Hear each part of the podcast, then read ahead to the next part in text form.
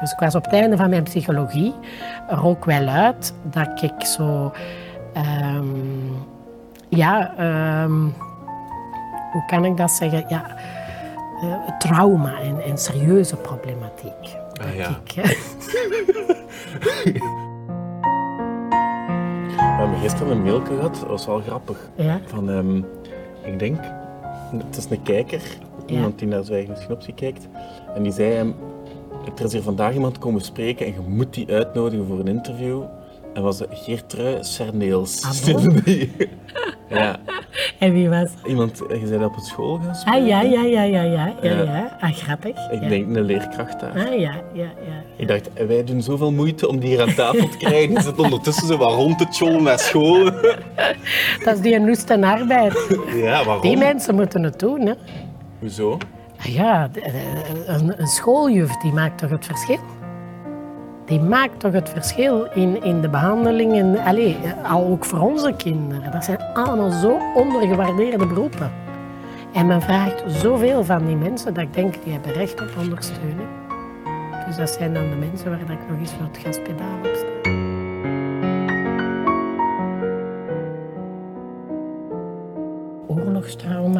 Niet evident om eh, binnen te nemen en te behandelen. Je moet genoeg empathisch zijn, maar je mag er ook niet aan onderdoor gaan. En mensbeeld, je moet ook wel blijven geloven in de mens, terwijl wij ja, dag- dagelijks met eh, verhalen in aanraking komen waar dat je merkt van... ehm, ja, is dat de mens? En waar dat je toch risico hebt dat je cynisch wordt. Hè? En dat is ook niet goed voor empathie. Maar dat zelf? Is dat zelf iets dat je tegen vecht? Bij de aanslagen in Brussel heb ik een tijdje gedacht, ik stop ermee.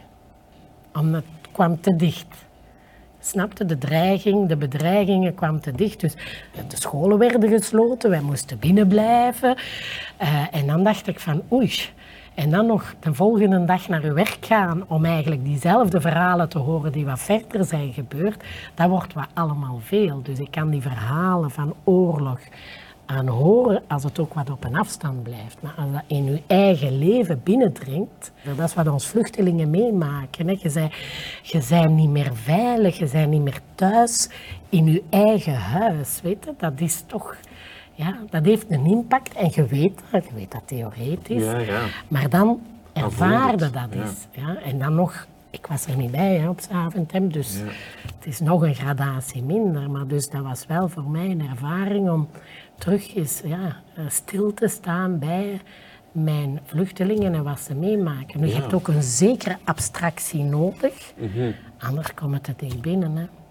Ja, want dan niet... Doet uw werk dan niet anders nu dan voor de aanslagen? Dat, dat, dat kan bijna niet anders dan. Ja, eh, mm, het helpt weer even om, om, om uw empathie eh, te vernieuwen. ja. weet je? En ik denk dat je altijd zo wat oefeningen moet doen. Ik ga Dat regelmatig... je niet op automatische piloot ja, eh, begint ja, te vliegen. ja. Ja. En dat je niet te veel abstraheert. Je moet een stukje afstand nemen, maar ook weer niet te veel afstand. Ja, dus dat, dat is niet evident. Zeker niet. Hè. En dat is heel het woord, het buzzword van empathie. Hè, dat tegenwoordig heel veel gebruikt wordt, wat cruciaal is bij ons in onze hulpverlening.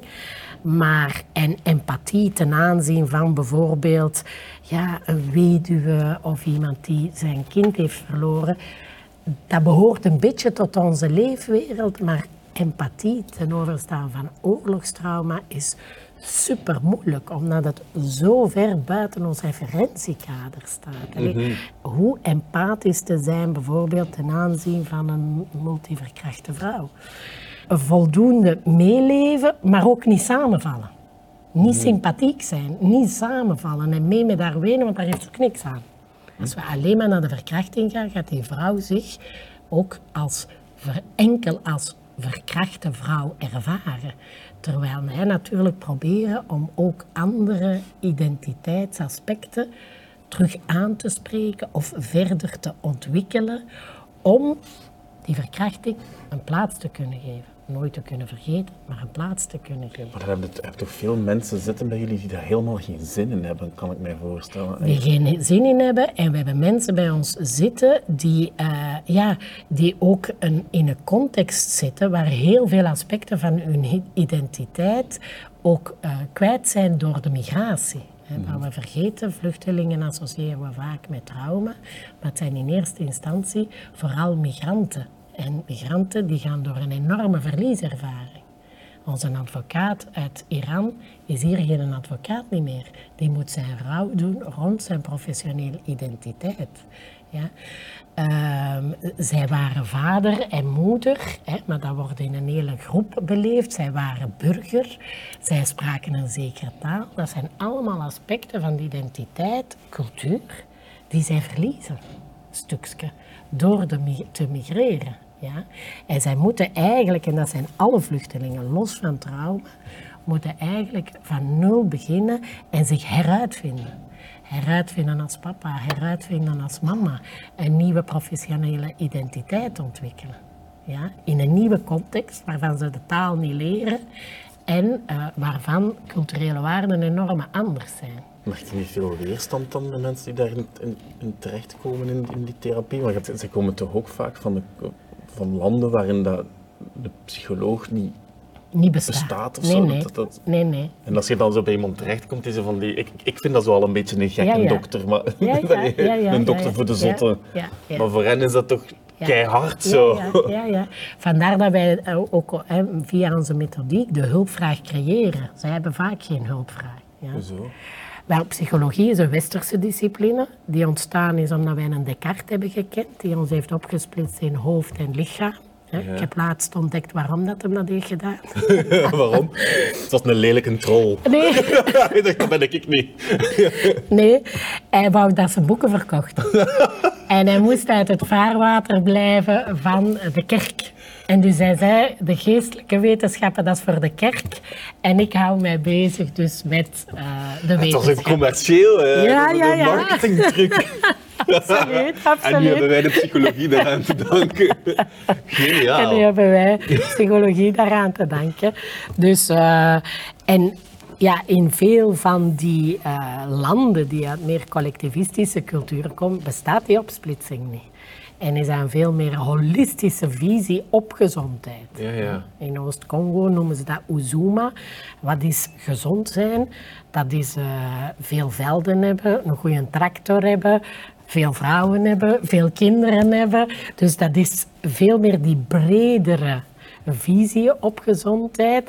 En dan ook niet ja, de mentale gezondheid of de geestelijke gezondheid en de lichamelijke gezondheid. Dus die komen niet met, met depressieve gevoelens af om het op flessen te trekken, maar met, met pijn, ey, met, met buikpijn. Ja, of, ja, ja, slapen, ja, ja. En wat eigenlijk ook maar een narratief is, want uiteindelijk trauma doet ook iets met je lichaam. dus je kunt dan, hè, taal creëert een realiteit en zij hebben een taal die op hun realiteit aansluit, namelijk zij benoemen de lichamelijke klachten ten gevolge van trauma. Ja. Huisdokters worden daar zot van, want dat is psychosomatiek. Ja, ja, ja, wel, ja. En ze krijgen die dan niet doorverwezen. Ik heb nu al vier gesprekken gehad. en ik heb gezegd dat geen buikpijn is. Maar het is wel buikpijn, maar er is geen organische oorzaak. En dus ja, wij noemen dat dan psychosomatiek. Ja.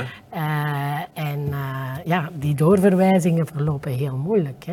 Vandaar dat wij vanuit die heel brede visie gaan luisteren naar onze cliënt. Ja, maar wat zijn nu stressbronnen? En dat we beetje bij beetje ons kader daarin gaan brengen. En uh, de meeste mensen staan er dan wel voor open, want zij gaan niet goed. Laten we duidelijk zijn dat oorlogstrauma ja, verschrikkelijke gevolgen heeft, zowel lichamelijk als geestelijk als qua welbevinden. Uh, dat is een uh, ernstige aandoening.